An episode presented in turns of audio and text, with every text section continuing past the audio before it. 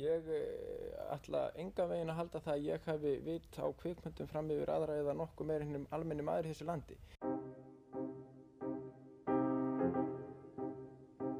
Og ég spyr þig, telur þú þig hafa það mikið vit á kvikmyndum að þú getur dæmt um þetta listræna atrið?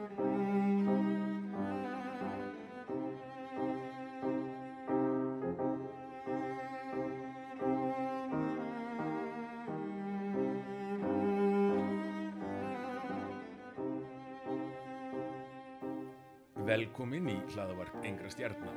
Ég heiti Björn Þór Viljámsson.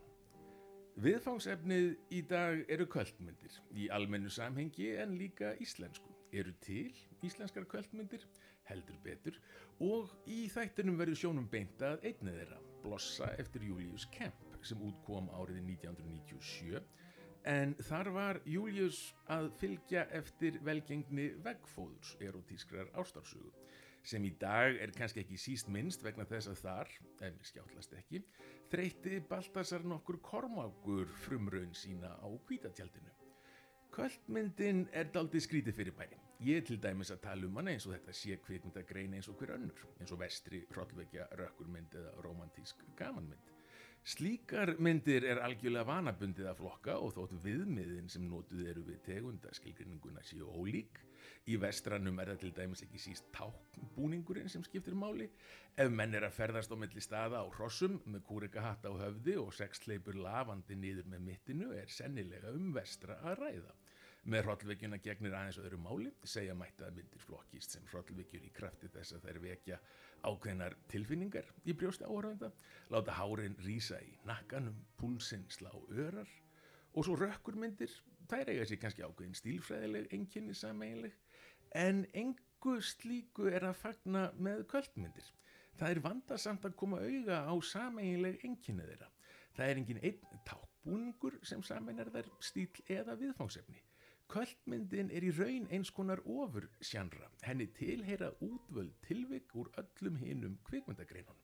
Rocky Horror Picture Show er söngleikur, Plan 9 from Outer Space er vísindaskálskaparmynd, Johnny Guitar er vestri og The Room eftir Tommy Wiseau er, já, hún allavega er. En málinn eru jafnvel flóknari en því sem þessu nefnur. Myndir geta verið kvöldmyndir á ákveðnum tímabilum en svo hætt að vera það eins og klefi Dr. Caligari er dæmum. Þær geta verið að jákvæmnu landi en ekki öðrum. Hér mætti nefn okkar eigin Steli Orlofi sem dæmi. Þær geta flokkast sem kvöldmyndir út af því klukkan hvað þær eru síndar og hér væri þó vísa til svo kallara miðnæturmynda en að svína svona freklega á hálgerð náttúru lögmál í kvikmyndafræðunum Shane hættir aldrei að vera vestri og Halloween er ekki álitin vera hrollvekja bara á Norðurlöndunum og það skiptir engum máli klukkan hvað nýja Lars von Trier myndinni sínd. Þýðir að kvöldmyndinni líka svona eins konar flatnefur kvikmyndaheimsins, platipussin, skeppna hvers tilvist stendur í hróblegri og sárlegri andstöðu öll og manna lög. Og svo er kannski líka bara afskaplega lítil sátt um hvaða myndir eru í raun kvöldmyndir. Með mér í dag til að reyna að greiða úr þessum flækjum, svona áður en við færum okkur heim til Íslands til að skoða heim, heimaölnu kvöldmyndina, er Gunnar Tómas Kristófersson, doktorsnemi, sem vinnur að rannsókna á íslenskri kvikmyndasögu og er jáfnframt stundakennari í kvikmyndafræðinni hérna í háskólan. Sæl, Gunnar. Hæ, sæl og blessaður. Eitt af, eitt af námskeiðunum sem þú hefur kent og reynar oftar en einu sinni er námskeiðið um kvöldmyndir. Og það hefur verið mjög vinsælt. Uh, og þú skrifaðir meistara reitgerðina þína um, um kvöldmyndir. Þannig að ég treysti því að þú sérst rétti maðurinn til að hjálpa mér aðeins með þetta sérlega vandasama viðfangsefni. Hvað í ósköpunum ræður því hvort og hvenar kvikmynd verður kvöldmynd? Uh, það er ekkert einfalt svar við því og þetta var í raun uh, viðfangsefni réttgerðina mínar og við höfum talað um þetta í námskeiðinu sem núna hefur verið kent fyrir svar uh, og í raun er svarið markbreytilegt og eins og þú nefndir hérna í inganginum að þá, þá ferða bara eftir hverri kvikmynd fyrir sig en í raun það sem saminar eh, allar í raun kvöldmyndir er, er viðtökurnar á þeim. Það er að segja hvaða hvaða fólk og hvernig fólk uh, hvernig fólk tekur myndunum. Uh, það er náttúrulega í, í kvöldmyndum er ákveðin svona nýbreytn, það er eitthvað nýtt að gerast það er eitthvað skrítið, það er eitthvað ógæslegt það er farið yfir og út fyrir uh, ákveðin mörg sem við erum vöna að halda okkur fyrir innan svona í, alla jafna í, í kvikmyndum uh, og, og eru svona þolmörg áhörunda en þarna eru þau sem sagt, virt að vettu í þessi mörg og stundum er þetta gert viljandi og það er mitt á við um kvikmyndagreinar eins og hryllingsmyndir sem eru svona alltaf köldleg kvikmyndagrein.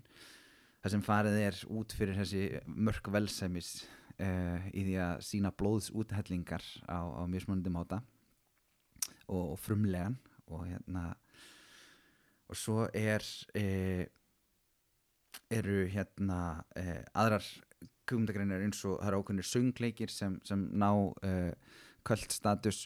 Eins og Rocky Horror Picture Show uh, hún náttúrulega er með rock og ról uh, sem tengist ákveðin í aðarmenningu en fer samt líka inn í pöngið í fagurfræði sinni uh, en líka hryllingsmynd og er, er hérna að blanda saman svona ímsum kvikmyndagreinum.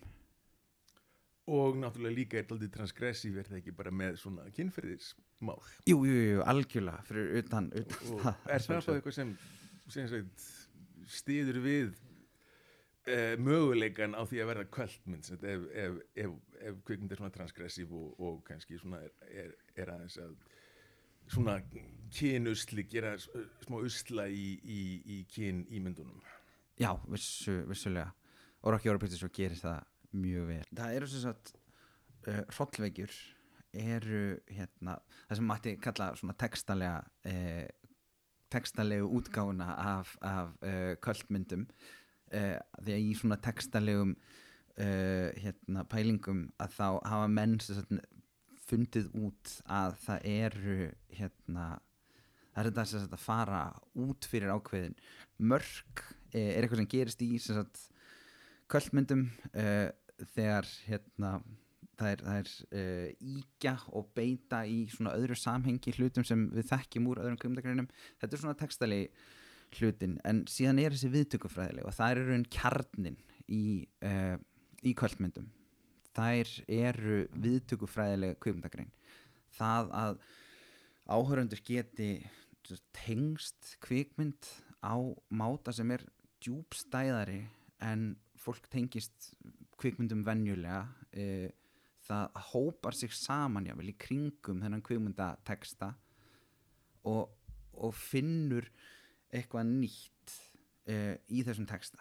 Og til, tilfelli Rocky Horror Picture Show sem er daldið svona uh, hérna kannski augljósasta kvöldmyndin og, og hún hefur verið í gangi svo rosalega lengi sem kvöldmynd að hérna með, með viðtökur sem eru, sem eru bara í tvísvar í viku í New York uh, er haldin sýning þar sem fólk mætir og, og, og bara áfúsum og frjálsum vilja og, tekur þátt.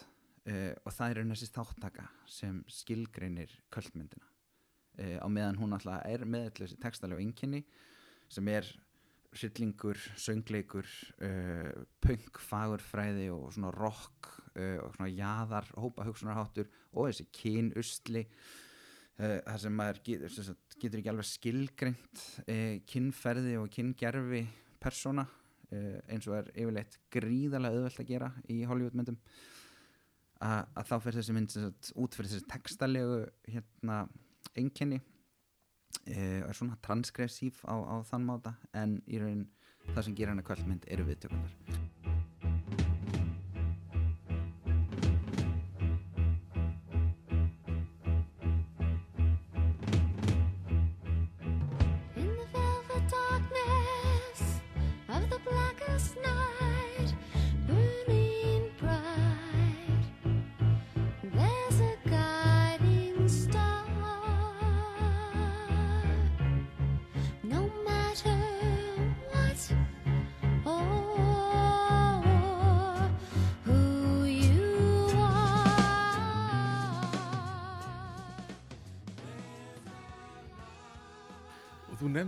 að, sem sagt, í, í tilviki Rocky Horror Picture Show þá eru sem sagt þáttaka uh, hluti af viðtökunum. Getur aðeins bara út, útskýrt hvernig þessi þáttaka lítur út? Hvernig byrtist þessi þáttaka það, sem sagt, í tilviki Rocky Horror Picture Show að þá hófst þetta frekar tiltöla fljótlega eftir að hún var sínd uh, hún var náttúrulega byrjaði sem miðnætur mynd uh, í New York. Og fólk svona uppgötu hana hægt og rólega uh, og fór að mæta aftur og aftur á síningar sagt, á myndinni.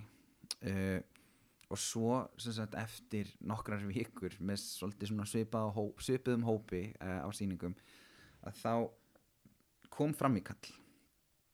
Og það passaði sagt, við texta myndarinnar. Og fram í kall er þannig að þá að þá ertu til dæmis uh, í byrjun myndarinnar og það er eitthvað sem er gert núna, það var ekki gert þá uh, að þá er farið með sagt svona möndru sem er svo að uh, í upphafi var orðið og orðið var varir. Og ég er örgulega að fara rámt með þetta en það er eitthvað slíkt. Og svo byrtast varir á, á skjánum. Og allir áhörundur segja þetta og svo byrtast varirnar og þá er þetta, erum við komin í svona ritualíska menningu og stemmingu uh, þar sem allir taka þátt í að tala við skjáin, tala við myndina og, og setja hana í annað samingi, upphefja hana, afbaka hana uh, og, og allt þar á milli. Og, og þetta bindur náttúrulega áhörundur saman og gerir sýninguna svona interaktífa, hún verður bara gagnvirk, þú tala við skjáin og skjáin talar við þig og til þín. Og fólk kemur geta nýju þegar ekki gerfum og þetta er svona cosplay og, og umfram það líka að, að tala sagt, og, og skjóta inn spurningum eða einhvers konar sagt, setningum sem oft eru þó mjög afbyggjandi. Er það ekki, þá líka er fólk að kasta hlutum og það kemur með hreinlega bara svona búnað með sér, græjur með sér Jú, þegar að eh, brúðkaupið er þarna í byrjuninni þá er hrísgrjónum kastað er það ekki á tjaldið og Jú, eitthvað þannig að þetta er mjög interaktíft það er hluti af, af kvöld viðtökum. Það er hluti að kvöld viðtökum á, á mörgum myndum, já. En það er aftur á móti ekki samt skilgrænandi fyrir kvöldmynd það þurfi ekki að vera props en það geta verið það.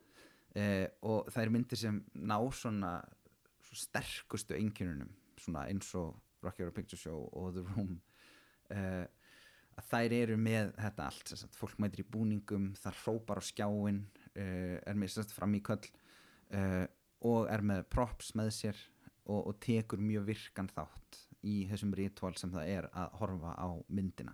Þekkir hana út í gegn og það er sagt, það er vikslu aðtöfn meira að segja áður en Rocky Horror Picture Show er sínd uh, að þá ertu innvíður inn í áhörndahópin ef það hefur ekki síðan áður á kvikmynda tjaldi myndina. Og þá eru áhörundur eru látnir rétt að penn sem hefur ekki síðan áður og, og fengnir til þess að koma fremst og eru uh, látnir framkvæmna framkvæma svona einhvers konar víkslu aðtöfn innvíkslu aðtöfn uh, þar sem þeir eru teknir inn í þennan hóp uh, Rocky Horror aðdáðanda Já, hér. Þá ætlum að myndi þóra að fara á svona síningu þetta hljómar einhvern veginn eins og það sé mjög dramatíst og, og, og þarna geti tekið ádaldið eh, þetta er, já, þetta er mjög erfitt fyrir, fyrir suma vissulega, en þetta er aðalega bara í, í góðu gríni gert sem betur fyrr þetta nær því ekki, það er engir, engar blóðfórnir enn sem komið er. Engar blóðfórnir, ok. Þarna, en sko núna kannski þá eru myndirna sem, sem, sem kalla fram þessi svona eh, rosalega sterku og skýru og afgerandi viðtökur þar sem fólk mætir í búningum með græjur eh, jafnvel aftur og aftur og aftur og aftur sér myndina tugum sinnum eða hundruðum sinnum sko. Uh, þetta er kannski og, og ég meina Rocky Horror myndi vera þarna The Room, þú myndist á hana. Uh, þetta er svona einhvers konar úrvalsflokkur kvöldsins eða ekki, menn þetta eru óumdeilanlegar kvöldmyndir. Algjörlega, og Eh, svo, svo erum við með sko aðra hópa myndum eins og til dæmis stórmyndir. Eh, hvort að þær geti talast til kvöldmynda er mjög umdilt þú segir stórmyndir Og þá, áttu við uh, svona eins og Star Wars uh, er náttúrulega besta dæmi þar það er, eru miklar hefðir í samingi við Star Wars. Bæði þegar kemur að því að hérna, horfa endurtekið á myndina uh, að sökva gjörsamlega inn í hennan söguheim sem er bóðið upp á uh, og tengjast myndinni sérstaklega í gegnum kaup á og bara með að mæti búningum og, og kaupa ímislegt uh, sem, sem skil tengist söguheiminum og þetta líka við um Lord of the Rings og Marvel heiminn. Svona þeir eru allavega að reyna þetta að að köld væða þennan hluta sérst, markaðsvæða og getur sagt stórmynd, getur mynd sem kostar sagt mörg hundru miljón dali og er dreift um allan heim og allir elska og er bara sagt uh, getur það verið þá kvöldmynd það er það sem þú segja mér, Já. Star Wars og Lord of the Rings uh, klárlega. uh, en hver er þá munurinn til dæmis á, á kvöldmynd og kvöldmenning og þessum svona kvöld viðtökum og síðan bara svona aðdánda menningu Eh, það er raun sem sagt, mörkin liggja eitthvað staðar sem sagt, meðal aðdáðanda uh, að þú ert náttúrulega með langflestir aðdáðendur Star Wars eru bara venjulegir aðdáðendur en svo eru nokkur hana og frekar stór hópur í tilviki Star Wars sem, sem gengur bara miklu lengur í, miklu lengra í sagt, sínum viðtökum. Það er fólk að gifta sig eftir Jedi trúabröðunum það eru til Jedi trúabröð sem eru sérst upp úr söguheimi Star Wars. Og það væri það er svo erfitt að undanskilja þennan þessa sérst, tegund af viðtökum e, þessu köld þessum köld stimpli e, og köld greininni að hún er viðtökufræðileg e, að því að þetta, þetta fellur svo vel að henni. Ég skilu þig sko, en ég finn bara að, að svona það er eitthvað viðnám inn í mér sko, gegn til dæmis þessari hugmynd að Star Wars sé kvöldmynd á einhvern máta sem sko að, að, að það sé hægt að sita einhvern veginn sem svona hliðstæð fyrirbæri Star Wars og aðdánda menninguna í kringum hana og síðan Plan 9 from Outer Space og aðdánda menninguna í kringum hana. Eh, ég er þá bara miskilið eitthvað þegar mér finnst að kvöldmyndir þurfa að vera einhvers konar svona jaðarmenning ekki sem sagt, eitthvað sem bara allur heimurinn elskar. Eins- geta já. bíkladin verið kvöld þetta er svona, þetta er náttúrulega vissulega umdilt og bara það hvað er kvöldmynd er mjög umdilt já, sumir segja með því að taka Star Wars inn í þetta og Lord of the Rings og, og þessar hluti að þá erum við að þinna skilgreininguna allt og mikið út sem er alveg punktur líka sko. en mér finnst þetta eh, vera sérst, þessi, þessi öfga eh, þessar öfga viðtökur eh, við hérna við þessum kvöldmyndum og þessar öfga viðtökur eiga kannski frekar við um fantasíu heima, sérst, vísindaskáldskap og, og slíkt. Og, og til dæmis að Star Trek sé svolítið svona kvöld seria tengist bara viðtökunum á henni uh, og á þeim. En það væri þá hægt að segja kannski að Star Trek svona, fyrsta serían sem er frekar uh, svona tæknilega ekki fullkominn og sem og sló ekkit endil í gegn þetta endist bara í hvað, 2-3 ár? Og sko nöyt ekki almennra vinselda á sínum tíma. Það er síðan, er það ekki tölvöld síðar í raun með bíómyndunum. Já, sem er- Star Trek verður svona mass phenomenon stórsmellur og erum þá að tala um að það hætti að vera kvöld ég, er það, ég, það, það það, er það er- ég myndi vilja ég, þarna eh, að þetta, er, þetta tengist náttúrulega uh, líka virði hlutana í svona menningarlega samki það er ekkert sérstaklega töff að vera starfsæðandi lengur. Það þótti það kannski eitthvað tíman og kannski aldrei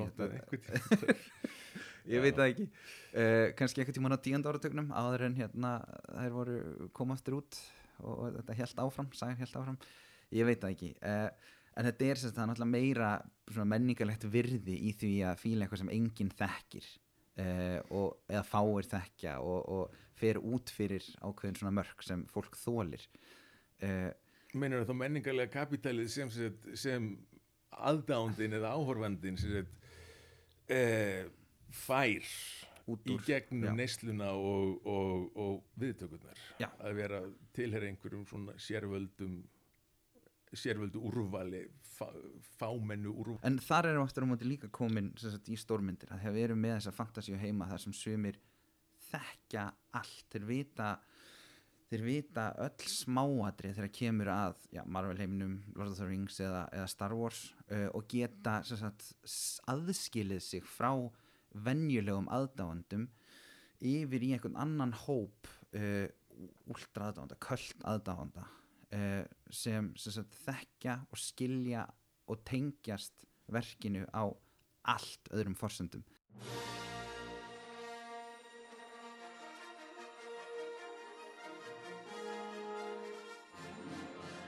Gunnar, ég bara finn að, að þarna mér langar til þess að veita þér smá viðnám með þarna svona mega mega smellina sko bíómyndirna sem er í öllum kvikmyndahúsum allstar á plánundinu og allir hafa séð og alast upp við eh, og ég ætla að gera það ég, ég ætla að veita þér viðnám með því að vitna í meistararitgerina þína eh, oh, shit.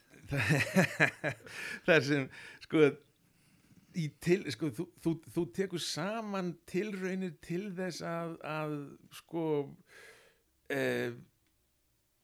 búa til einhvers konar sapn einkenna textalegra einkenna sko og sem þá skilgreina kvöldmyndir eða kvöldmyndir eiga sameiginlega. Og þar ertu með sem sagt til dæmis nýbreytni sem er annarkvort thematísk eða fagufræðileg þú ert með vondleika hérna sem, sem uh, eitt lið uh, þar sem kvöldmyndir eru taldar ofta á sama tíma svona fagufræðilega og siðferðilega vondar uh, sem staðsitur þær fyrir utan meginströmin uh, þú minnist á að, að þarna, þessi farið um mörk alveg svo rættir áðan. Uh, þær eru íktar eða svona einhvern postmodernískar en punkturinn er kannski að fara yfir einhver svona mörk. Uh, textatengsl er talað um hérna sko þessum kvikmynd býður upp á tengingar og tengsl við aðrar kvikmyndir. Og lausa enda í stíl og frásög sko sem getur líka bara verið þá tengt vondleikanum sko bara myndir séu bara ítlugari gerðar séu ítlugari fyndnar eða séu svona skondið hvernig þær eru. Og þú ræði líka hvernig svona uh, framleiðslu sagan getur skipt máli sko að, að hún sé svona einhvern veginn góðsagna kjent sko en, en það er náttúrulega ekki textafræðilegt enginni, sko síðasti liðurinn er, er, er, er ógeð sem enginni á, á, á, á kvöldmyndum og sem líka talaði um nostalgíu sko. Uh, sko nú eru svona kannski listar af enginnum takmörkunum háðir í þessu samhengi þar sem endanlegi úrskurðurinn á því hvað sé kvöld og hvað ekki það liggur í viðtökunum en mér finnst þetta samt forveitnileg pæling sko að, að nema maður bara gefið sér að þessi algjörlega handa hófskent hvaða myndir verða kvöldmyndir þá hlýtur einhvers konar rökvís eða lógík að vera á bakvið sem sagt það er ekki horror sí kvöldmynd en Paint Your Wagon sé ekki kvöldmynd. Uh, og geta þessi sagt, hlýtur þessi rökvísi ekki að grundvallast á textalegum enginum einhvern veginn Jú. Og sem sagt það má skipta þessu í hérna tvo hópa, væntalega fleiri. En sagt, þessir tveir hópar uh, mjög gróflega skipt eru sagt þessi sem eru uh, textalegir á þann máta að þeir fara út fyrir mörg, eru með nýbreytni ógeði og, og, hérna, og vondleika. Uh, og þeir eru sagt, erum með lausa enda og eru bara hræð, hræðilega myndir uh, en sem virka. Og sem er í raun ekki hægt að framleiða með vilja uh, að því að þetta gerist bara.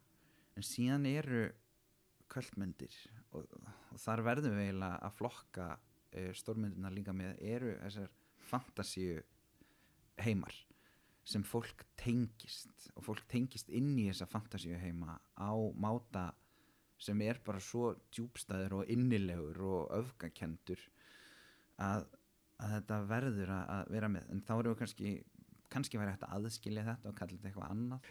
Ég er alltaf að, að, að þarna reyna að draga kvöldið niður á mitt plan niður í ræsið með mér. Þetta sé svona einhver svona jaðarhópur þetta sé, þetta sé myndir sem eru sko ekki hluta megin strömmnum skeri sig frá séu undarlegar eh, hafi kannski farið hljótt á sínum tíma og eru uppgötaði löngu síðar og þá á einhverjum allt öðrum forsendum en við beitum öllu jafnan til þess að meta kvikmyndir og jafnvel bara myndirnar sem við elskum sko. við, við, við elskum bíómyndir okkar uppáhaldsmyndir oftast af því að þær eru svo góðar eða við dyrkum það þegar Brad Pitt fer úr skirtunni eða við elskum ákveðna leikara eh, við eh, en kvöldmyndin sko það eru allt það er allt öðruvísi eh, fagurfræði sem þar er í gangi sko. þannig að eitt hugtak sem ég hengi mig daldið í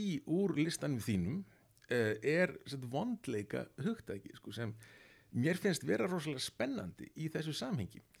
Eh, sko hvað, hvað þýðir vondleiki í þessu samhengi og, og hvernig byrtist hann og er vondleiki í þessum skilningi eitthvað öðruvísi en að mynd sé bara vond? Til dæmis sá ég The Laundromat á Netflix um daginn, nýjasta myndina Steven Soderbergh og mér fannst hún afskaplega vond en það þýðir væntilega ekki að hún eigi eitthvað skilt við kvöldmyndir eða vondleikin sem við erum að tala um hérna sé það sem gerði The Laundromat að vondri bíómynd Nei, einmitt, það er hérna það er alveg tvent ólíkt að búa til vonda bíómynd eh, og svo búa til vonda mynd sem verður kvöld mm.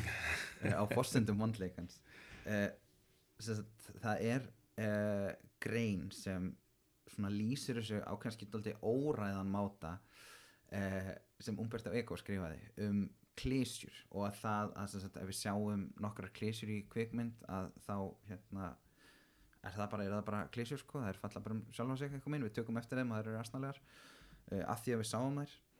En, en þeir eru verið komið með svo gríðarlegt magn af klísjum tengingum við eitthvað annað uh, uh, út fyrir textan, inn í textan inn í samfélagið, bara út um allt uh, að þá hættum við að sjá þær greina þær. Og þetta verður bara svona samfella af töfrum sem við getum ekki alveg skilgreint.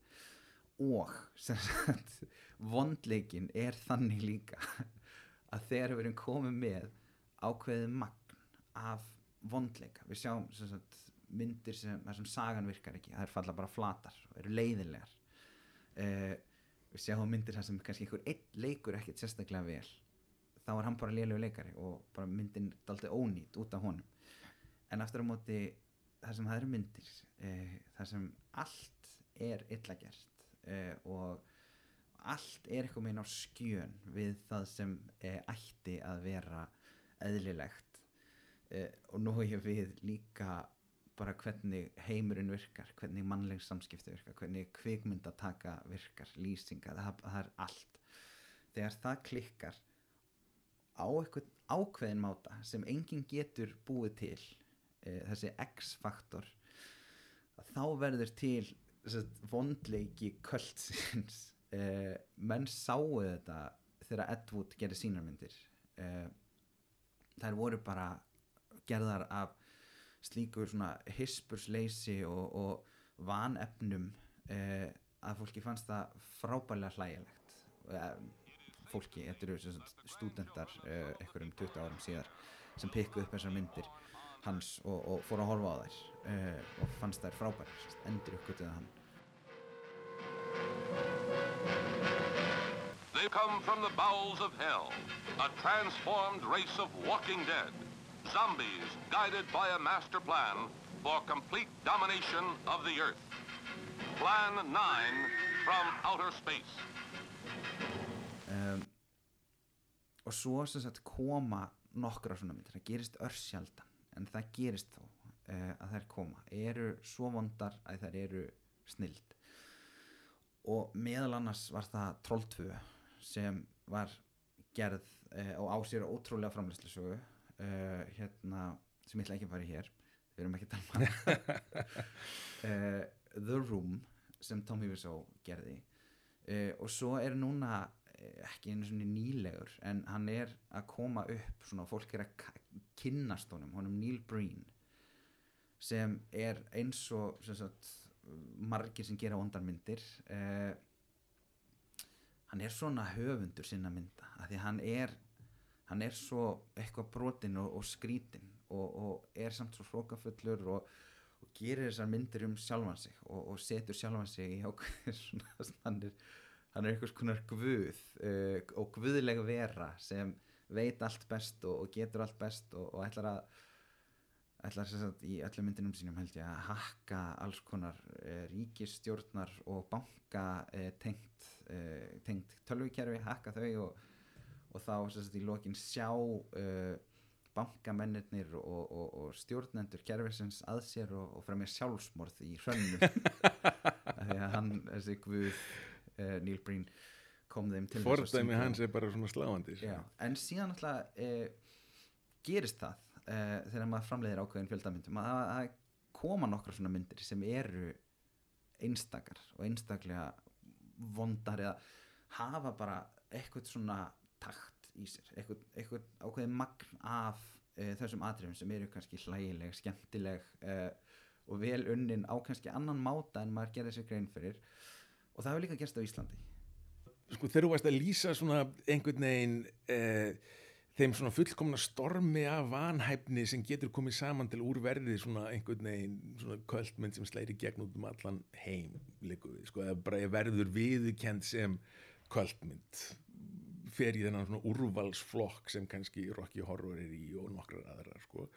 þá var ég bara að hugsa um The Room sko, en eh, sem er kannski svona nýjasta viðbótin við þetta ekki úr, úrvalsflokkin sko, í einhverjum skilningi. En á sama tíma þá eru alltaf að tala um þetta skilgrinningavald sko, viðtökurnar, það eru áhorfendur sem svona eh, eh, skilgreina kvöldmyndina sem slíka í gegnum sínar viðtökur en mér dettur í huga að spyrja þau Gunnar hvort það sé einhver möguleiki á að, að sko það sé farið að, að manipulera þetta skilgreiningavald vegna þess að það sé bara einhvern veginn e, hlutirnir sem álitnir eru vera einkennandi fyrir kvöldmyndir það sé reynd bara endur framleiðið á meðvita og þegar ég er að, að, að segja þetta þá er ég alveg sérstaklega með eina mynd í huga sem heitir The Greasy Strangler eftir Jim Hoskins kom út 2016 sem sko mér fannst bara svona vera eins og svona markvis og svona útpæld skoðun á svona hugðarefnum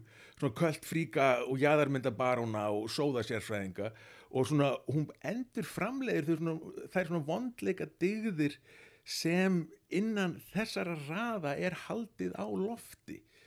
Og Grísi Strangler sýnir bara það er hægt að, að, að, að smíða verk sem fellur sko köld áhorfendum í geð með sama hætt og flugvélamódel er sett saman, sett saman sko, og þetta er svo ólíkt finnst mér The Room sko, til dæmis þar sem eh, eh, sko Mandy get ég líka nefnt hérna með Grísi Strangler sem dæmi um svona myndir sem eru bara rosalega útpældar og meðvitaðar og eru svona bæði sjónrænt og efnislega og með alls konar svona ikonografískum senum eins og keðjusaga, innví og svona sko bara, er, er að stefna inn á svona kvöldlendur sko meðan sko myndir sem þú varst að lýsa á þann sko, þá er þetta óvart. Þetta er, þetta er einhvern veginn svona sko elding í flösku sko eins og The Room eftir Tommy Wiseau sko þar sem eh, bara einhvern veginn jöfnum höndum fer saman þessi svona engiltæra einlægni og, og, og, og sko hann líka, hann Wiseau býr líka yfir hugdirfsku ljónsins og síðan þessu yfirmáta fjölbreytilega hæfileikaleysi sko. það er ekkert sem hann getur gert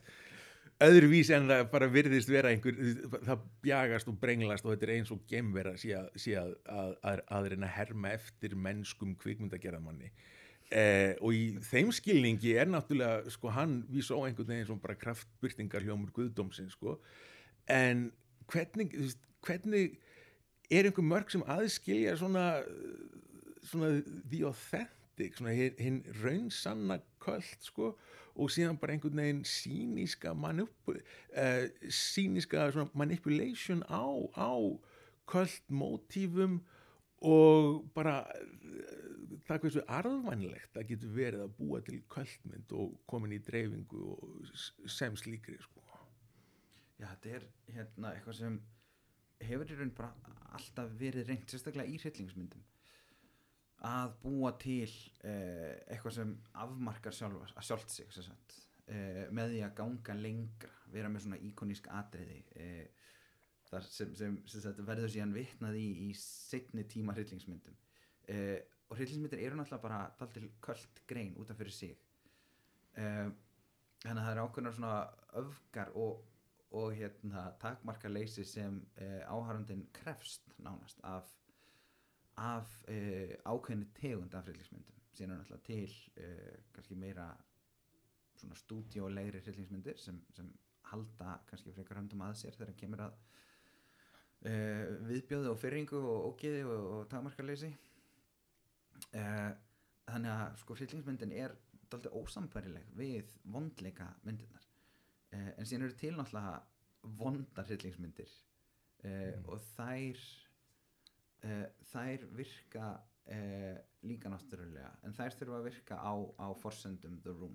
Það þarf að vera eitthvað til staðar sem sem lætur sagt, töfrana gerast sem kumdegjarmadurinn gat ekki séð fyrir uh, en algjörlega það er hægt að setja upp bara svona Evil Dead stemmingu í myndinu með típu eins og Bruce Campbell er til mynd sem heitir Bubba Hotep uh, þar sem þetta er augljóslega reynd þar sem er farið út fyrir mörk alls þar sem er eðlilegt veist, er uh, og Elvis náttúrulega er, er, er, er, Elvis, er, er er, er aðalpersonun kvöld íkon fyrir ákveðin hóp af fólki, mönnum sem klæða sig upp eins og hann og syngja tónlistin hans og, og annars slíkt. Uh, uh, og svo er JFK svartur aldrar maður uh, hérna á, á elliheimili á samt Elvis og Elvis er getulaus uh, sem er stort þema í myndinni.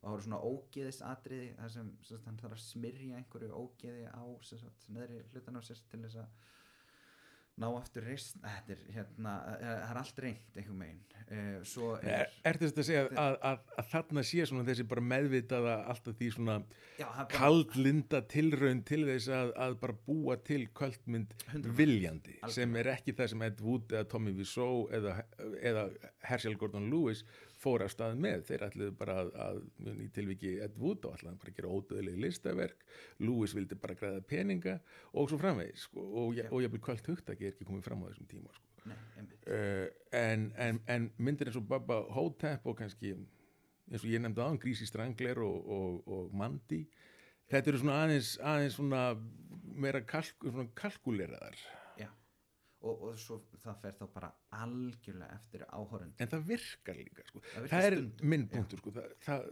Grísi Strangler varð svaka kvöld eh, smellur sko, og, og Bubba Hotep náttúrulega er, er, er mjög fræg innan kvöld svona kreðsunar sko, og er yðurlega tekin tím til þegar það er verið að, að, að, að búið til lista yfir svona líkil kvöldmyndir tíund áratugur eins og svona þannig að þetta virkar líka þetta virðist virka.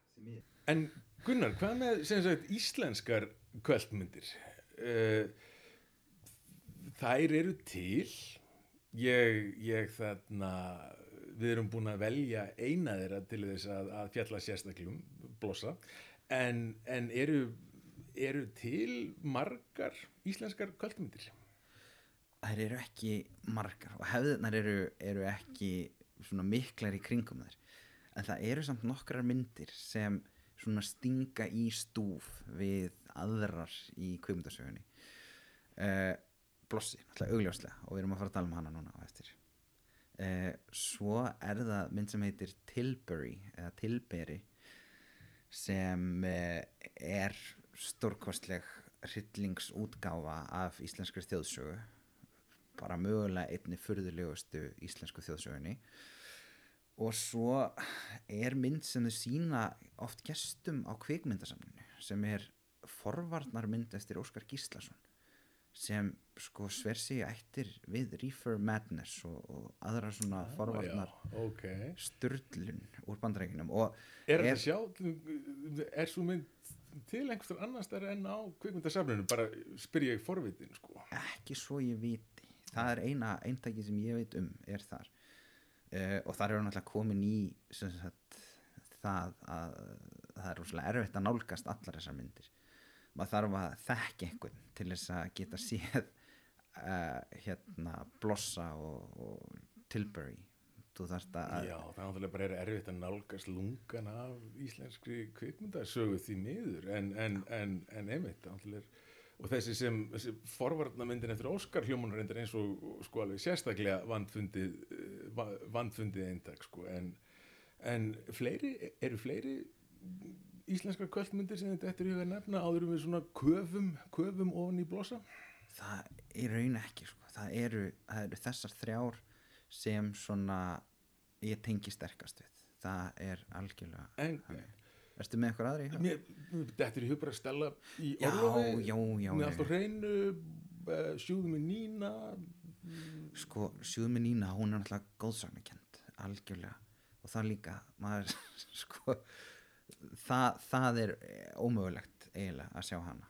Já, það en, er, en, en hvað sótum að reykja uh, það er aftur, þá erum við já, jú vissulega. Það er náttúrulega svona kannski önnur, önnur tegund en, en algjörlega svo- svona þjóðarköld. Það er að myndir sem Íslendingar tengja gríðarlega stert við og sömur meir en aðrir. Þjóðar köld, já, þetta er alveg skemmtilegt hugtæk, sko. Já, Svona, þetta er mjög lokal og þetta er líka mjög þjóðilegt og þetta er svona uh, eitthvað sem, sem allir geta saminast um er ekki eins og í stelu í orlofi kannski Jú. allt á hreinu algjörlega og vitnaði í þessar myndir. Og það er eitthvað sem við hefum ekki talað um eh, ennþá, en það eru tilvitnanir eh, að, sagt, að myndir séu í tilvitnanlegar. Þess að hendi vel til þess að, að vitna í þær og, og það sé að taka fleir, fleir frasar já, fleiri frasar nákvæmlega. Og það sé að taka það úr samhengi og, og, og beita sagt, uh, úr samhengi við myndina og allir skilja. Já, svo dúbnuhólar tíu eða íslenska mafían já, veskan mín eða eitthvað slíkt, já, Já, einmitt, sko, nákvæmlega. Ok. En, en sem sagt, sko, Blossi Blossi er, er eins og ég nefndi áðan þá uh, kom hún út uh, undir lok tíundu áratugarins 1997 Julius Kemp leikstýrði og þetta var mynd nummið tvö á hans leikstýraferli og lengi vel síðasta myndin sem hann leikstýrði eða allt þar til hann gerði uh, Reykjavík Whale Watching Massacre uh, 12-13 árum síðar eða ekki. Og uh, með aðal hlutverkin í blossa fara Páll Banín sem leikur Robba hálf svona atgerfislausan handlangara dópsalans Úlfs sem finnur Jóhannesson leikur sem er skilsta hafi verið svona handbólta stjarna á þessum tíma og svo Þóra Dungal sem leikur Stellu, 19 ára stúlku sem lendir í samfélagi við þessa kóna af ástæðum sem er aldrei útskýrðar. Uh, þau vakna sér alls saman í tómri íbúðu eftir einhverja jamnótt og eftir að hafa skilið Úlf eftir á McDonalds ætla Robby að, að skuttla Stellu heim sem endar ekki betur en svo að þau lenda í Agraborginni á flótt undan lögreglunni og leiðin upp á nes missir Robby dóp pakka í eigu Úlfs í sjóin og í kjölfarið leggja þau á flótta og það er myndin. Þau, þau að keira ringin um Ísland með engan á eftir sér vegna þess að Úlfur byrjar ekki eldaði fyrir ná síðasta korterinu. En þetta er held ég svona plottið í hnótskurð uh, hvað, hvað er það sem gerir uh, blossa að, að kvöldmynd? allt þetta og, og, og meira. Það er bara, hún er já, það er svolítið það er erfitt að ná tökum á blossa, hún er hún er einhver svona tilvistaleg snild eh, og maður veit ekki alveg hvað maður stendur með henni eða fellur með henni eða ég veit ekki hvað að segja og hún er eh, hún hefur einhver megin ekkert upphaf en samt hefur hún þetta típiska upphaf að strákur og stelpa hittast eða eru saman og, og leggja upp í ferðalag. Uh, og ferðalagið ætti sem sagt að snúast um eitthvað en það er ekki í að að því sem sagt í byrjun myndarinnar að, að það sé neitt sem að fara að gera sagt í á þessu ferðalagi nema á flótt er það ekki, Það er á flótt undan engum en, síðan verður þema myndarinnar edrúmennska hans eitthvað megin í sagt, undir lokin Já, þetta breytist, Já. þema flóttans breytist í það að hann er, verður góður kærasti held ég fyrir það Já. hann, hann náttúrulega er svona dópisti og, og alkoholisti og, og áhersla lögð á að sína hann drekka eiginlega stöðugt undir stýri lungan af hringnum í kringum Ísland sko. En, en já, þetta er sko en ég vil bara kannski áður en förum lengra, þá langar mér til þess að stíga fram með, með kenningu um það af hverju blossi sé orðin kvöldmynd á Íslandi. Endilega. Já, sko ég þú ert aðalpersonan í þessari kenningu kannski þetta var það við. En, en sko Gunnar, þú hefur kent þessa mynd og þú kennir hana við eiginlega hvert tækjaverð, þú kennir oft kúrsa um íslenska kvikmyndir, en, en jafnvel skilst mér þá bara sínur hana við bara ef það er eh, sko glufa, þá sínur þú blossa sko. Og fyrir fimm árum síðan heyrði ég engan tala um blossa. Núna hitti ég ekki kvikmyndafræðinema sem lítur ekki á blossa sem sína eftirlætis svona alvondumynd sko. Og, og þarna um hann er rætt einhvern veginn á öllum mannamótum og fólk svona einhvern veginn búið að bindast henni miklum tilfinningaböndum sem ég held að eigi rætur að rekja bara í hreinlega skólastofuna þína Gunnar og, og ég nú veit ekki hvort að, hvort að þetta er, er hrós eða ásökun. Já, ég veit ekki en, en, en þarna þú ert aldrei hrifin að þessari mynd er líka það sem ég er að segja. Þú, þú, þú sýnir hana gjarnan. Algjörlega. Og það er eitthvað meginn eins og með allar svona myndir uh, að þá er svo erfitt að, að festa hana niður í hausnum á sér. Þannig að hún kemur á óvart í hvert einasta skipti sem maður horfir á hana. Þannig að hún gefur af sér uh, og í raun bara diffkar uh, við hvert áhorf.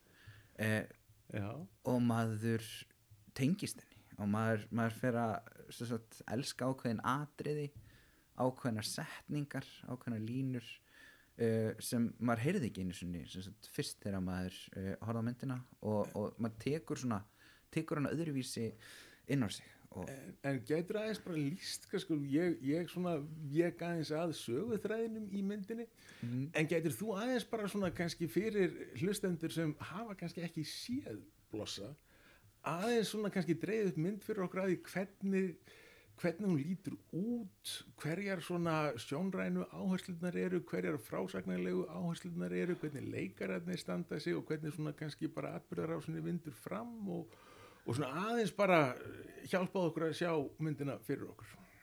Þetta er rosalega erfitt að gera þetta. Því að hún er hún er uh, svona hún er korkin ég og hún er allt þetta allt sagt sem maður ímynda sér og, og, og ekkert. Þetta er sem sagt þetta er eitthvað skonar vegamynd um neyslu ferðalag uh, hún er tekin upp uh, af einhverjum sagt, eins og, hún er tekin upp eins og uh, einhver hafi sagt, hort rosalega mikið á MTV og ætlaði að að taka.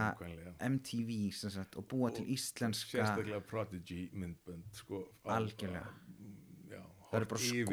á, á, á, já, Já, og hárgreinslan á honum þegar hann er búin að raka á sér hárið er augljós og bara hvernig hann stendur þetta er sem sagt, bein tilvitnun í Prodigy, myndband og sagt, er hann ekki, ég held að þessi Keith sem standi nákvæmlega svona eins og, eins og Robby stendur uh, þegar hann er búin að raka á sér hárið. Já, já, ok. Uh, þannig að já, hún er bara eins og hún sé sagt, tekin upp úr, úr þessu og fjallar náttúrulega um, um, um fíkn sagt, og neyslu uh, og tvinnar þessum þemum saman. Og þá er orðið, líkil orðið neysla uh, og, og sem sagt, það að vera á ferðalegi uh, sagt, bara þetta er ferðalega til einskis og, og þú ert ekki á leiðinni neitt. Já, Eh, nema já, bara ég skil að þú hlustar bara á, á exið og auglýsingar, síbiljan sem sagt af tónlist, tölvuleikjum. Uh, og, og svo er meiri sér að internetið var að koma og festa Já, við sjáum, við, við, sjáum einmitt sem sagt, hann, hann þarna Rob að nota sagt, Netscape browser version 3 minni mig sem er svona skemmtilegt sko, þetta er svona pínu, pínu tímaferðalag sko, en, en Robby og Stella þekkjast ekki í upphafi myndarinnar og það er, hann er bókstaflega að skuttlinni heim þegar hann lendir í Agraborginni þetta er náttúrulega geti, gæti komið fyrir hvert sem er. En og, og þá svona sko já, hann ætlaði ekki meðlins að skutlinni heima því að hún vildi ekkit endilega fara heim til sín sko, var alveg til í að hanga með honum meðan hann tók einhverja svona útrúdúra sko, var eitthvað að snattast líka eh, á stólnum bíl með stólið veski. Já. og í því er vísakort Einmitt. sem heldur þeim eh, heldur neyslunni gangandi fyrir þau eh, í raun nærið því gegnum allt ferðarlegið en uh, ef maður ætti svona að ímynda sér hvar aðstandendur myndarinnar svona heldu að megin atriði söguþráðarins væru sko þá er það sambandi milli þeirra ekki satt, Robba og, og, og Stellu sem þróast yfir í ástarsamband og eh, kannski svona í þessu samhengi sko þá er þetta borgarbörð sko þetta er, það er dálítil áhersla lögð á að draga upp mynd af undir heimunum sko Já. þannig að þetta er svona og sko hinnum tæknivættu undir heimum það er þegar við hittum persónu Gísla Rúnars í, í upphæðu myndarinnar sem lætur hann fá hennan dóp pakka sem hann síðan týnir. Eh, að þá er hann í konar svona skeitara neðanjarðar byrgi eh, með fullt af tölvum.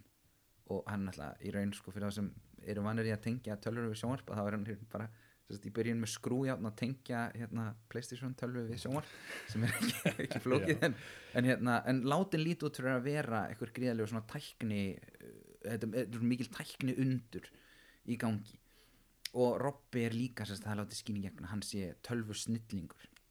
Og allt ungt fólk eitthvað megin hafi og sérstaklega sérst, hann hefur þetta. Eh, en síðan talar hann alltaf ennsku sem, sem nei, nei, einmitt. er rosalega skrítin svona karakteruppbygging. Já, það, það er einmitt daldið, daldið sérstakt sko, en, en, en þetta ferðalagi þeirra sko, sem er öðrum þræði þá þessi kynfyrirslega spenna og, og, og ástarsamband. En kannski líkilatrið er, er það sem við komum aðeins að áðan sem er það að, að Stella vildi ekkit endilega vera að fara heim til sín. Eh, þannig að hún slæst í þetta ferðalag með Robba einhvern veginn svona hálfpartinn vegna þess að hún hefur ekkit betra að gera. Og Robby sjálfur þarf ekkit endilega að gera þetta. Ég meina eins og ég nefndi áðan þá er hann á flóta undan engum. Það er engin að eldan, þau bara fara þarna á stað í þetta þau eru á vegum úti og þetta tilgangslýs einhvern veginn Já, og, og setja þetta upp sem einhvers konar svona heimsenda. Það, sagt, það er þau, þau komast hvergi í almennilega byggð. Það er uh, eitthvað með einn svona auðn allstaðar það sem þau fara. Mikið, bara svona eins og stórhluta af henni hafa verið tekin upp í rauðhólum. Já, hún er.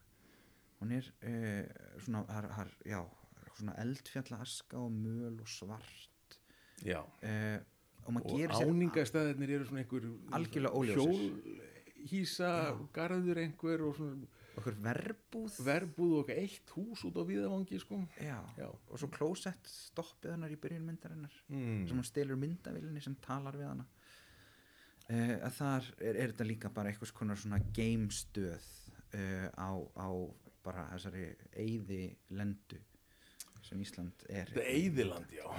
Hún gerist í svona Eyðilandi já, og lýsir ferð án tilgangs fólks sem þarf ekki að komast neitt. Eh, og, nú mætti halda að við vorum að lýsa mjög svona djúbri kvikmynd sem, sem, sem er að, að, að svona kafa einhvern veginn ofan í kvilla nútímans og reyna að greina einhvern svona hvað, hvað, hvað það er sem gerir það að verkum að ungt fólk tengir ekki við samfélagið sem, sem því er ætlað að ganga inn í en er það það sem Blossi gerir? Er þetta mynd sem hefur uh, sem, sem text að gera allavega það sem hún uh, hefur í hyggju að gera? uh, engan veginn og það er indislegt sko. hún er þetta hún, hún gerist í eitthvað konar eftir heimsenda heimi að hluta til en síðan gerist hún líka í En Reykjavík í Reykjavík, byrjunin er, já. er nákvæmlega eins og Akkurat, sko.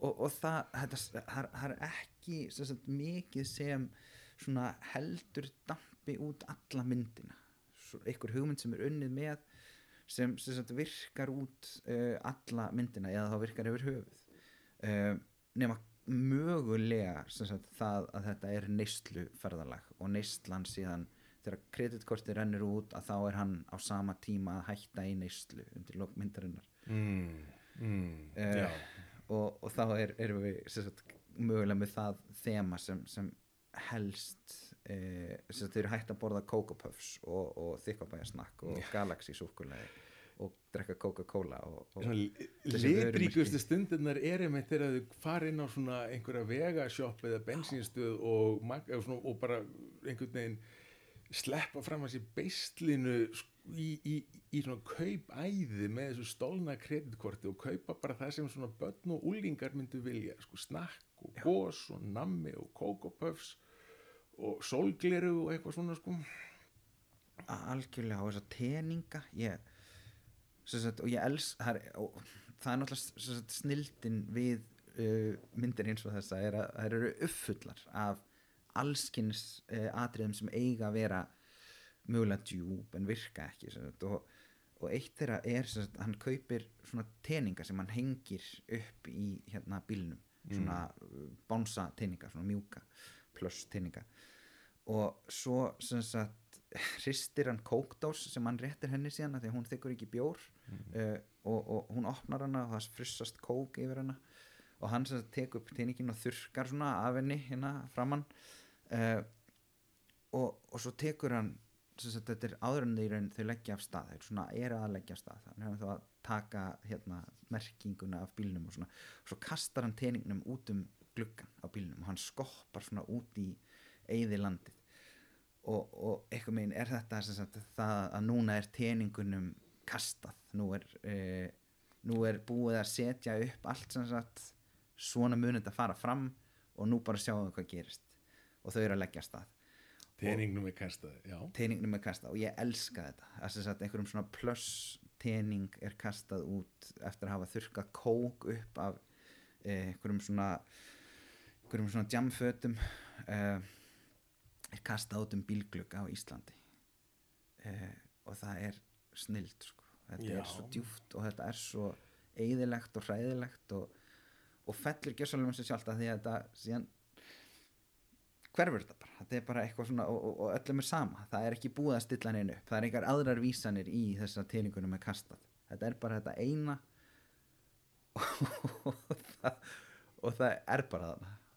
Og þetta gerist þess að eftir sjötta áhorf að þá að að detta í, í þessar hérna pælingar. Og það er það sem gerist alveg klassist fyrir svona myndir og fyrir svona köld að maður hérna maður fyrir að fylgjast með þessum hlutum og, og túlka og pæla og velta fyrir sér. Uh, og þessi mynd hún er uppfull af þessu.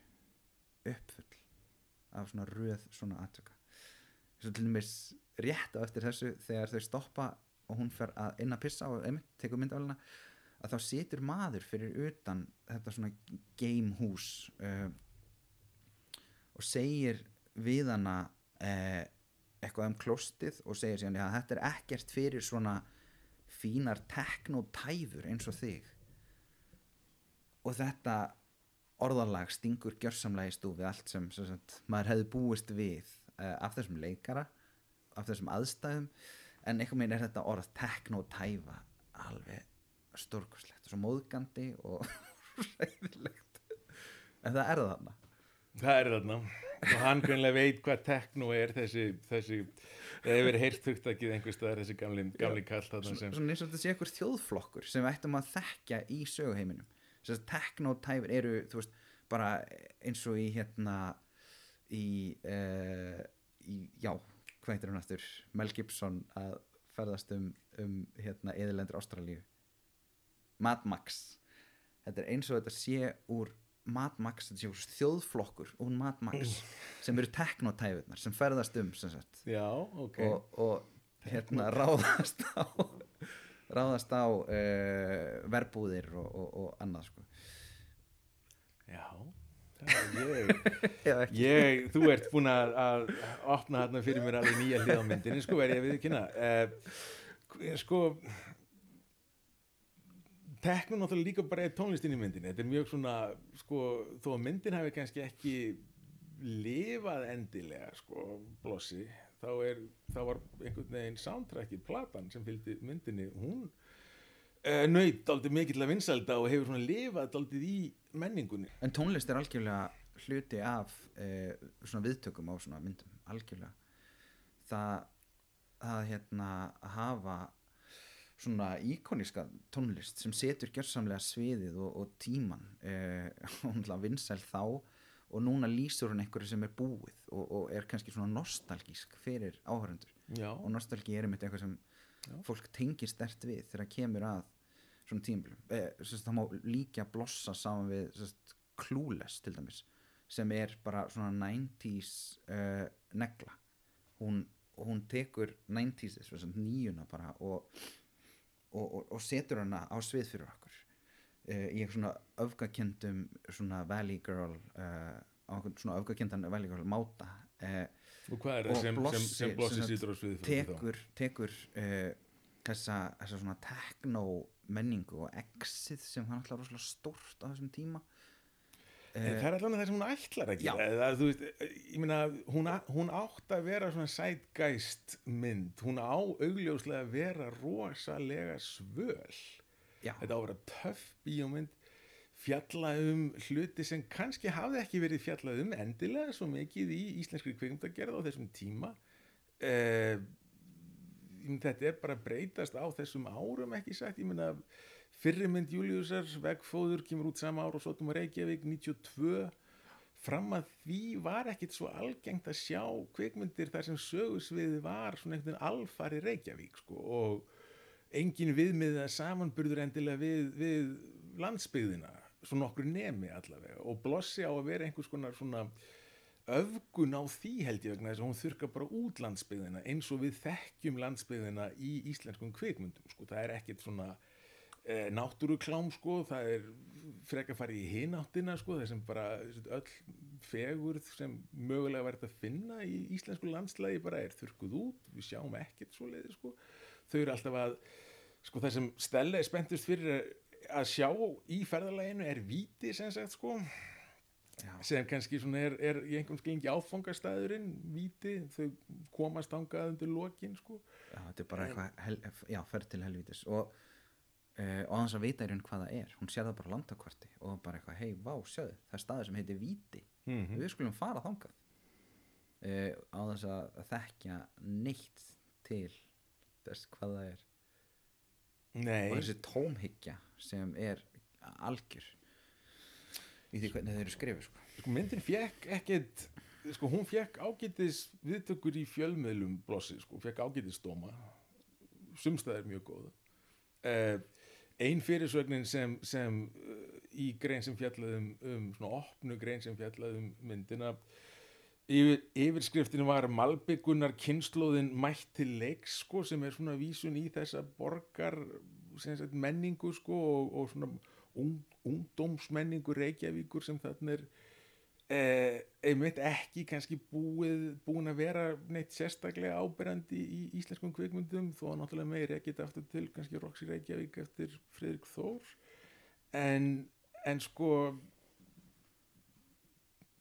mér, mér finnst það hafa verið að tala daldið svona um hvað myndin kannski gæti mögulega hugsanlega hafa ætlað sér að gera hvernig það megi kannski rekja á hvernig þemu og viðfangsefni gegnum hana tómhyggju uh, fyrtur ungdómur tilgangsleysi höfnun á ákveðnum gildis viðmöðum meðan neysla er umföðmuð í ólíkum myndum sko. En núna náttúrulega er hlut af ástæðinu fyrir því að þú ert í að prifin af henni Gunnar held ég alveg öruglega og allavega eh, þessir eh, áhrifagjötnu nefnendur í kveikmyndafræðinni sem hafa látið heitlast af henni eftir að hafa síðan í tímum hjá þér. Eh, er náttúrulega að myndin er náttúrulega alveg gríðarlega óendanlega fjarskalega stjartfræðilega vond. En hún er sko ekki vond á sama hátt og vegfóður er vond, það er líka ömurlega kvikmynd en, en sko vegfóður, maður fær svona vond bragð í munnin á að bara uh, þegar maður horfir á vegfóður sko. Eh, þetta er svona sko nöðgunar viðfangsefni myndarnar er höndlað af svo gríðalegri hvern fyrirlitning og blindni og, og heimsku sko að það er bara að, að horfa á veggfóður er svona hálfpartin eins og að láta bara svona, það er verið að skilningsvitin bara verða fyrir ofbeldi sko. blossi hins vegar er fyndindaldið og skemmtileg þetta er svo fríkað, þetta er svo rosalega mishefnað hvernig getur maður fest hendur á þessu sem er svona mishefnað og vondleikan sem slíkum sko. hvar, hvar er hann þarna? Hvað er það sem við elskum svona mikið við blossa, það er vondleikin en hvar er hann? Það er bara, hann er út um allt sko. hann er í öllu. Og það er það sem ég var að tala um áðan eh, að þegar þú ert með ákveðið magn af vondleika að þá er erfitt að taka eitthvað eitt út fyrir svig og segja já, ofsalega var þetta lélegt. Það þyrfti að taka alla myndina og, og setja hana í uh, það, það samhengi sagt, bara að já, þetta sagt, fyrsta skotið var skrítið. Uh, að því að það er af, af hérna uh, það er að vaski það er dropi að leka úr vaski og svo er það sagt, myndflétt alltaf því, sko. já, algjörlega sko. Og svo lekur eitthvað svona, rauður vökvi á kinnina á uh, henni stellu. Mm uh, og maður á að, það á að vera samingi hann á milli. En það er algjörlega svo, bara, það er ekki augljóst og, og ég raun ekki neinum ljóst hvert samhengið er nema bara að það dropar og, og það, þetta á að vera smart og það er ekkert að því og það er snild uh, það er bara, það er lýsing það er taktur, það er, það er leikurinn það er, það er textin, díalókurinn uh, sérst, handritið allt bara frábærlega einkennilega skrifað og sett upp. Uh, fólk er að segja hluti sem fólk segir ekki og, og, og annað sko. Og, og það er bara þetta í samhengi sem þegar það er búið að taka þetta allt saman í eina svona mynd að þá, að þá verður eitthvað samfella sem er rosalega erfitt að, að lýsa en, en einmitt, maður gerir kannski mest það sem heillar mann við hana eru þessi svona stærri þemu sem falla um sjálf sig, um sig sjálf bara í myndinni. En er samt að reynda að tækla sko. uh, og, og sem síðan verða að breytast óvart í eitthvað annað. Uh, og það er bara indislegt að, að horfa á þetta eins og tek, teknotæfu sagt. það er svo margt sem er óskiljanlegt í myndinni en það sem er kannski óskiljanlegast af öllu er sambandi milli Stellu og, og Robba. Já, hvað hún sér í honum. Hvað hún sér í honum vegna þess að, að sko, hann hann er, það er eins og hann bara hafi ég veit ekki hvað, bara hann, eins og hann sé bara í stöðu heilablóðfalli í myndinni sko, það kemur ekkert að vita upp úr honum hann gerir ekkert hann er ekki töff, hann er ekki sérmætt hann er ekki hættulegur hann er, hann er bara svona einhver svona döið yfli og lufsa og einhver svo allra leiðinlegast einstaklingur sem ég séð í kvikmynd sko. eh, en hún verður brjálæðislega ástfangin á hann alveg brjálæðislega sko. meðan hann sýnir henni engan áhuga sko. er svona uh, það eru tvö kynlífsatrið í myndinni í öðru þeirra þá svona lætur hann undan henni að hún fá að stunda kynlíf með honum einhvern veginn og hún er alltaf að tjá ást sína á honum og er heilluð af honum og það er bara eins og einhverjir svona sko, mj- mjög takmarkaðir kallmenn sem skrifa svona handrit og svona kvennpersonur sko. þarna sér maður tengingur endar við veggfóður sko. það er þessi svona creepy, reypi svona furðulegi svona kallmiðaða slagsíða sko, þar sem konur eru bara ekki persónur, það er ekkert mannlegt við konurnar í þessum myndum sko. Nei, einmitt. Nákvæmlega, og þegar hérna biblíu kallinn mætir og hann sér ekkert nema bara brjóstin á henni og, og svo sagt, er Robby hér puttaferðalangurinn sem þau taka upp í Já, einmitt, akkurat, já, fyrir, já, er sem hérna, lítur út fyrir að vera klerkur af einhverju tægi það ekki byrjun og Jú, síðan akkurat, og eh, mikið reynist að vera hérna. tryggingasölumæður já, og ætlar að selja þeim eh, líftryggingu og svo drekkur hann ótæpilega með Robba og, og verður svona ógæstlegur gamall kall sem sagt, og klýpur í hana og, og Robby hendur honum út og öllum, öllum þessum bókum hans og það er aftur hafa verið að hafna einhverju hugmyndafræði þarna sem maður gerir sér ekki alveg hvað- fyrir. hvað, sko, þetta er eitt af mörgum atriðin í myndinni sem ég bara horfið á halvpartinn svona bara opingátt sko, og áttaði mig ekki á hvað þetta væri nefn bara að, að eitthvað þurft að gerast þannig að þau taka einhvern upp í bílinn. Við erum búin að vera svo lengi í þessum bíl.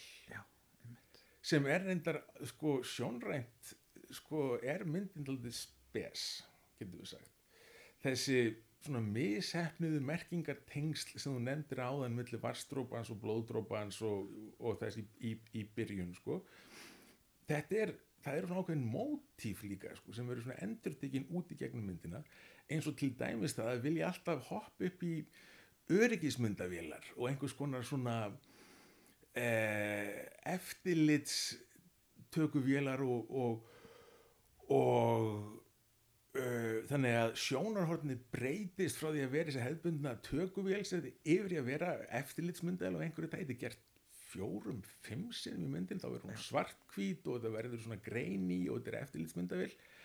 Og þetta er gert held ég sko þetta er svona fagurfræði sko, sem er að reyna held ég að vera daldið svona töff einhvern veginn, það er verið að reyna að, að svona, svona framtíðarleg og það er þetta er kannski svona, á að vera framtíðarlegt já, Þess að þetta, við búum í einhvers konar eftirlit, svona tölvuvættu eftirlits samfélagi eh, og já það gerir konar- bónus sko, þetta, ég, ég veit það og, og það er einmitt, veist, ón í sundlauginni. Svona eins og einhver hafa verið með vindal ón í sundlauginni að taka búin að gleyma því.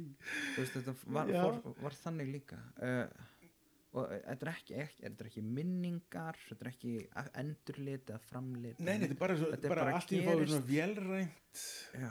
sko sjónarhótt sem, já, kannski neðan bara það er ekkert í myndin sem gefur til kynna að Ísland sé eftir, eftirlit samfélag í þessari framtíð sem við vitum eiginlega bara er framtíð vegna þess að áfengi er selt í bónus er það ekki svona helsta vísbendingin um að þetta sé ekki alveg okkar veruleiki eitthvað, en síðan er samt og það er snildi sko ef er kaupa áfengi í bónus.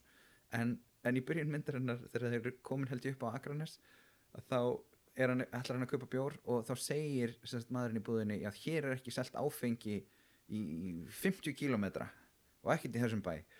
Og, og þá er í og myndin svo skemmtilegri mótsögn við sig sjálfa.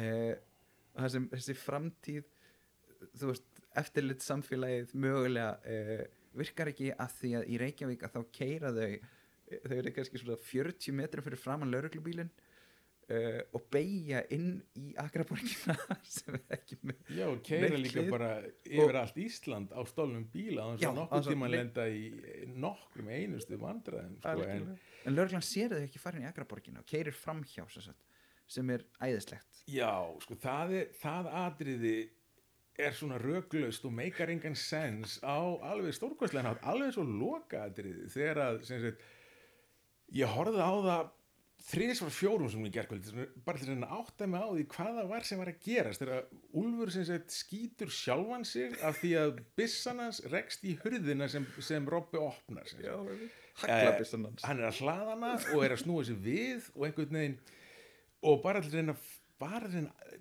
bara til að reyna að átta sig á því hvaða sko, hvað myndin vill að við höldum að hafi gerst því að hún sýnir það ekki með neinum skýrum eða röglugum hætti og það var saman hversu oft ég horfði á þetta ég bara áttaði ekki á því hvað átti að hafa gerst hann, hann byssan rekst í hurðina snýst í hálfring í höndunum á honum Já. og hann skýtur sjálfan sig Já.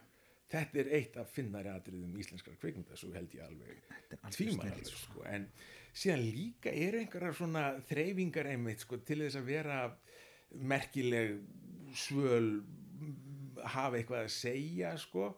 til dæmis er Rob alltaf að lesa myndasugur Já, Og- án þess, án þess að tala ennsku þó. Og hann svona les upp hann les upp átt eins og hann sé að stauta sig fram úr þessu sko, sem kannski fyrst og fremst bendir til einhvers konar greindarskerðingar sem hann er á þrítugsaldri. En, en þarna sko, þarna hugsaði ég það er verið að, sko, Julius er að pæla einhvern veginn í svona pop art sko, við erum að tala einn um um, um svona Andy Warhol og, og, og Arrow og svona pop art sko, sem er alltaf svona attitúti sem hann vill hafa í, í myndinu held ég sko. þetta er svona ekki, þetta er ekki raunveruleikin þetta er alltaf svona íkt og, og litir, þú veist, skærir fatnaður þeirra hárið þeirra, þetta er allt mjög svona skært og svona poppi sko.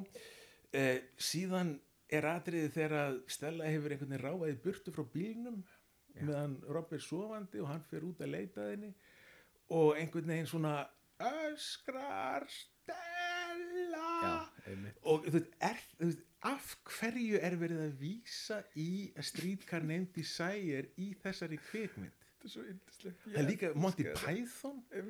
Liggur þarna í gegn sko, hvernig myndir hvernig myndir lýsa svona tilvísunar skýrskotunar kerfi myndar hennar? Ég meina, hún er að vísa í ólíkar áttir.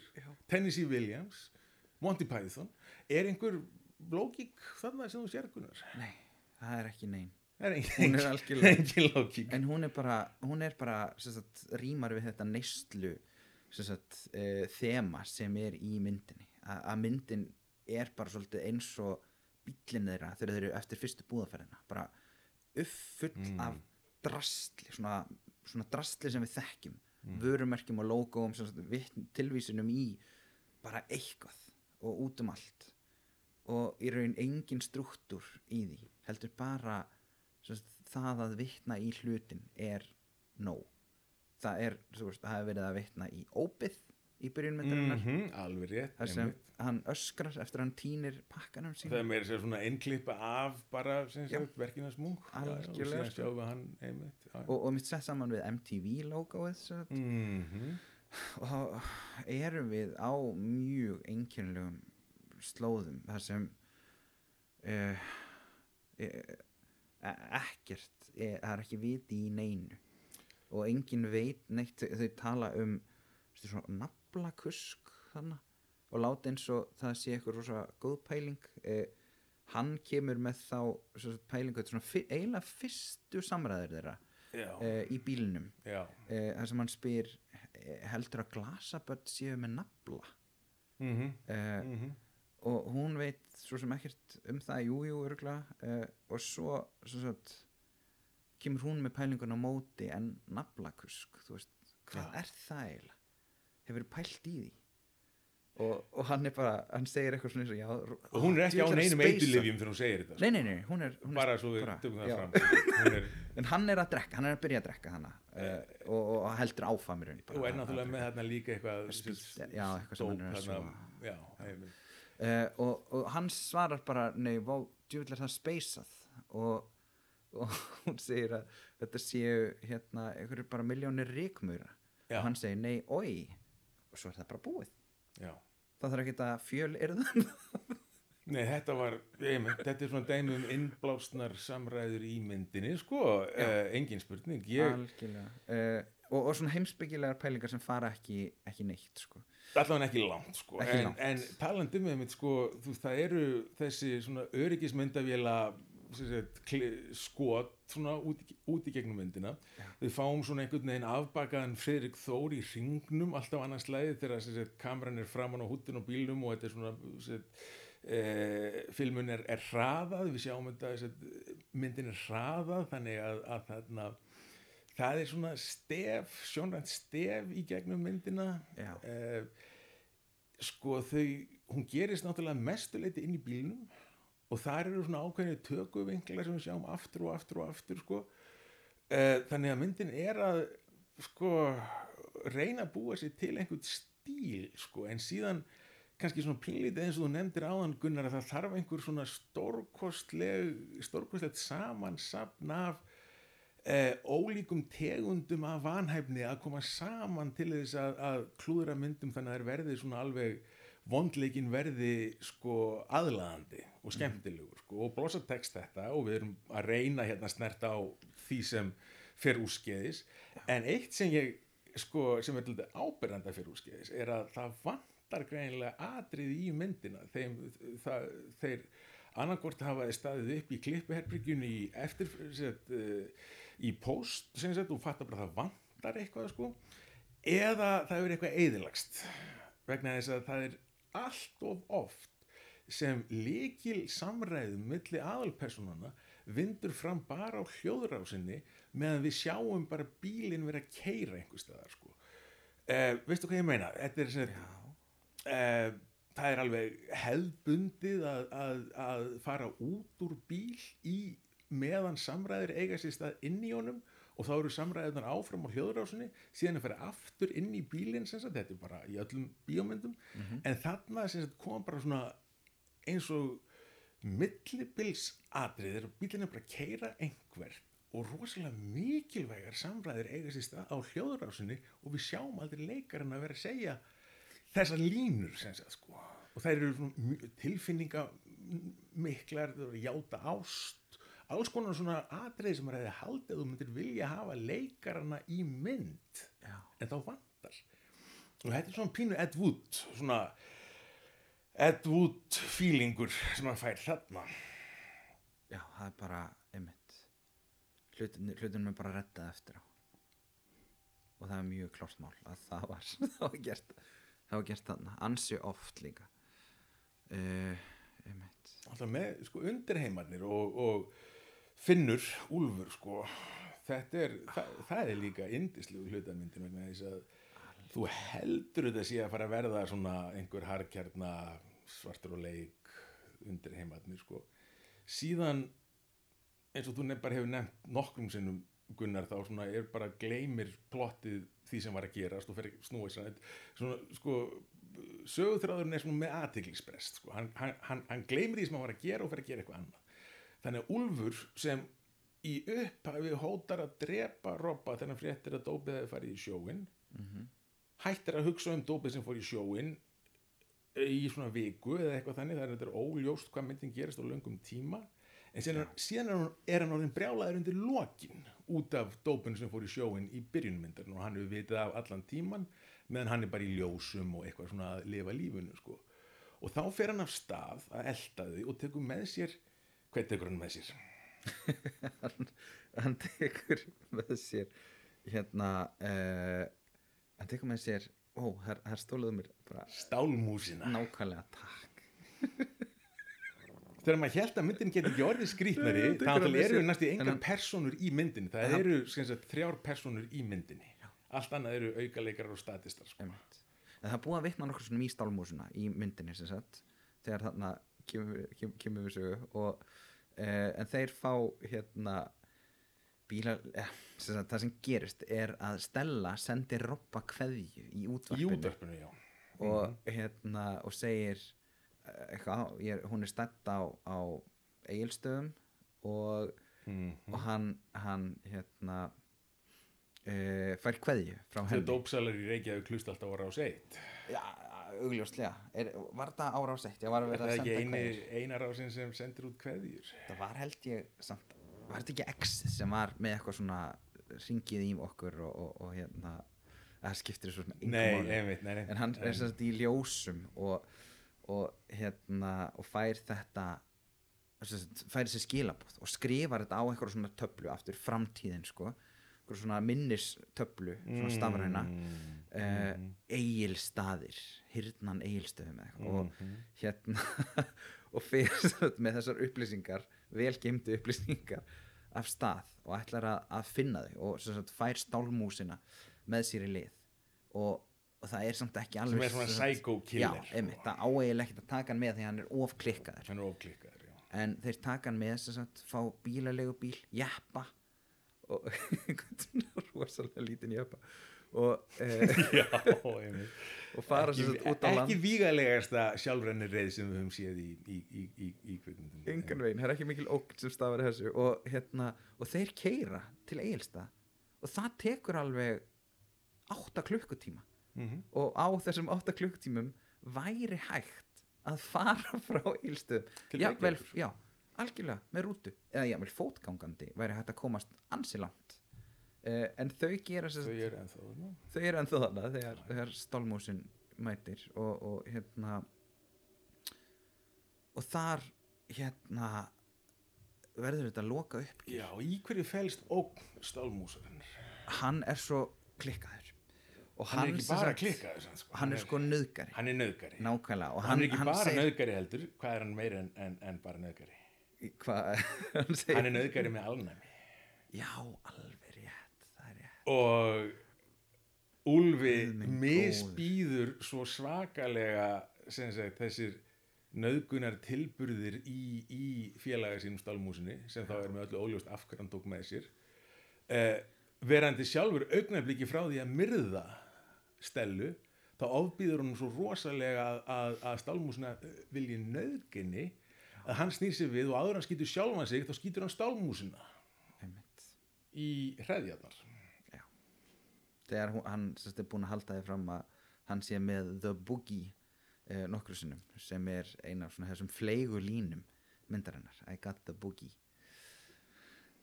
Þannig að hann sem tekur með sér eh, sem, eh, ha- harðkjarna liðsauka og það fyrsta sem hann gerir sem hann finnur fórnarlömpin sín er að drepa félaga já, þetta er eitt af þessum stórkoslu snill og hvað, Robby opnar hurðina og hann skýtur sjálfan sig þetta er eitthvað svona er svona furðulegt líka svona tilviljana kent mjög tilvíðan kent og líka bara með, sko ég skil ekki ennþá eins og ég nefndi á hann hvernig það getur gerst að hurð sé opnuð um leið og þú sveiflar haglabísum í áttina að henni þannig að hún snúist við í höndunum að þér og þú skjóti sjálf að þig í magan sko. það er, það er eh, kannski er það hægt í framtíðinni það hlýtur að þetta er eitthvað svona en, cyber uh, bissa en sko núna í, í dómnum sínum um blossa í DVF þá og Úlfildur Dagsdóttir var alveg svona uh, nokkuð pósitíf um, um marga hluti í henni sko. En einn skemmtileg aðtöðasemd sem ég fannst vera í dómnum hennar er það að hún svona les myndina daldi sem svona útúrsnúning á börnum náttúrunnar. Já, snilt.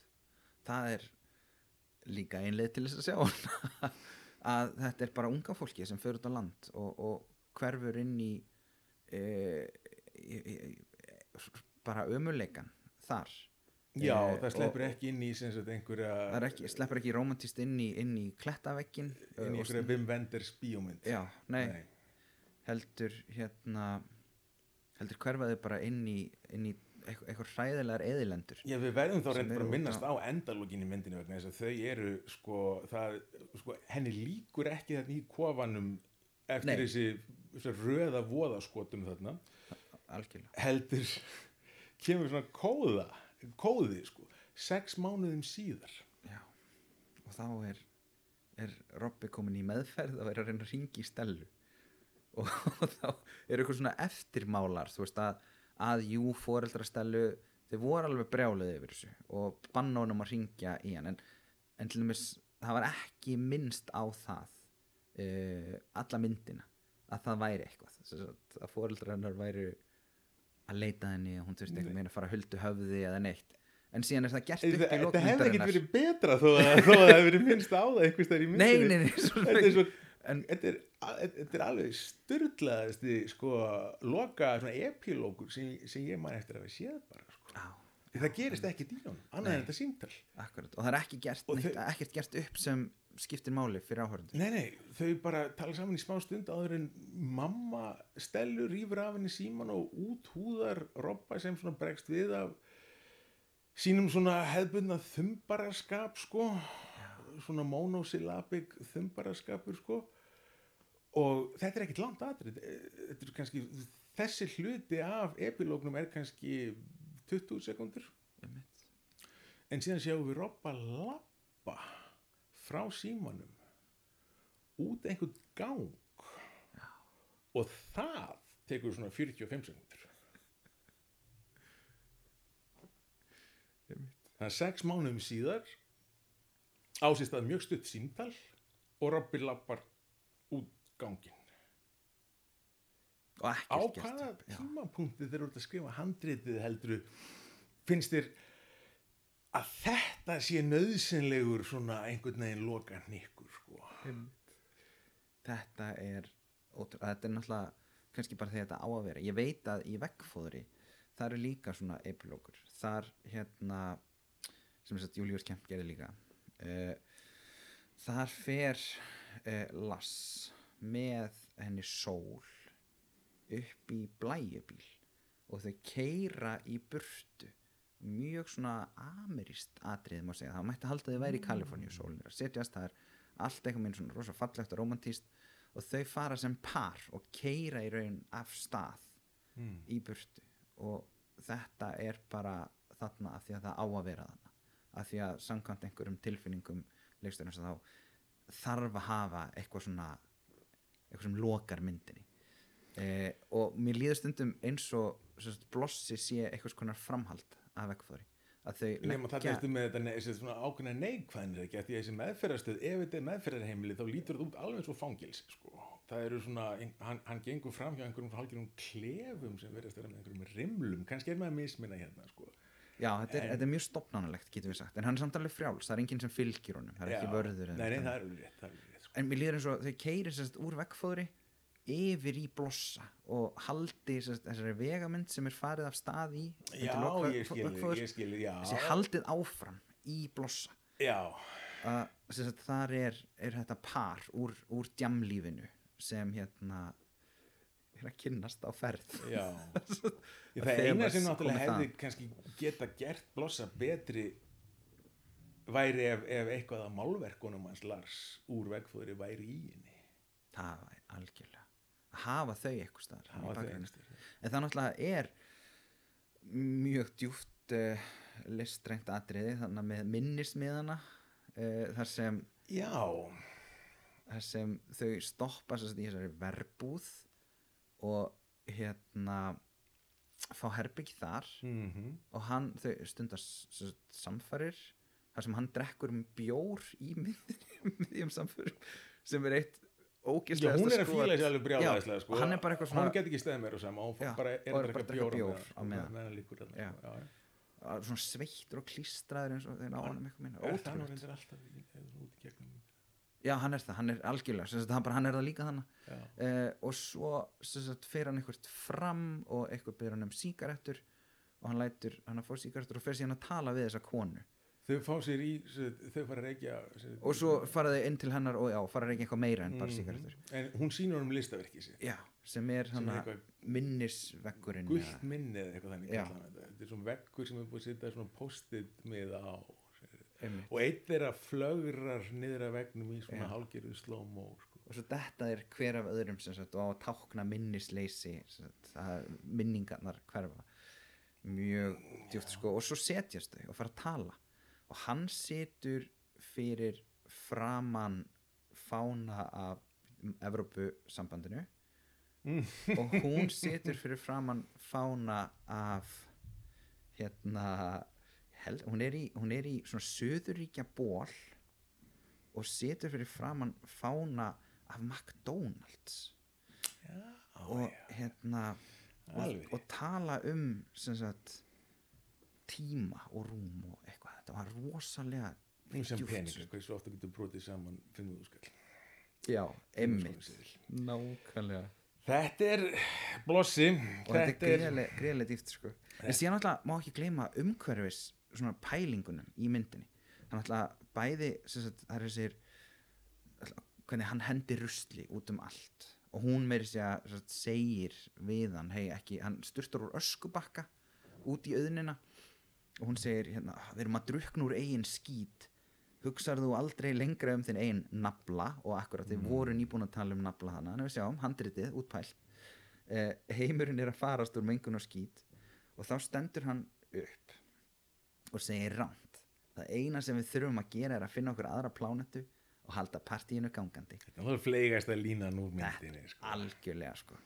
Algjörlega. Og í gegnum, gang, gegnum, gegnum myndina þá er, er, er sagt, þetta svolítið pælingin. Við búum í einhverju auðun það er einhverju svona ógestlegir hvítir ormar sem hérna tákna einhvers konar me- mengun og, og bara hvað erum að fara illa með landið. Plánundan okkar er að deyja. Eh, en að má spurja sig hvort að þessi mynd sé svona fyrsta græna myndin. Já Heru, ég held að, að þarna fyrsta græna myndin uh, ég ég held að þú sé þarna komið með, með, með, með góða, go, gott heimapróf fyrir nefndina þína. Næstur þú kennir blossa.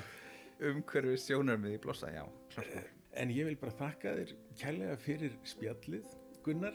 Eh, mér finnst ég allavega að vera margsvísari um, um kvöld myndir og náttúrulega það er alltaf sjaldan sem að fær tækifæri til þess að tala svona um blossa í þaula. En, en kæra það ekki fyrir komuna. Takk fyrir mig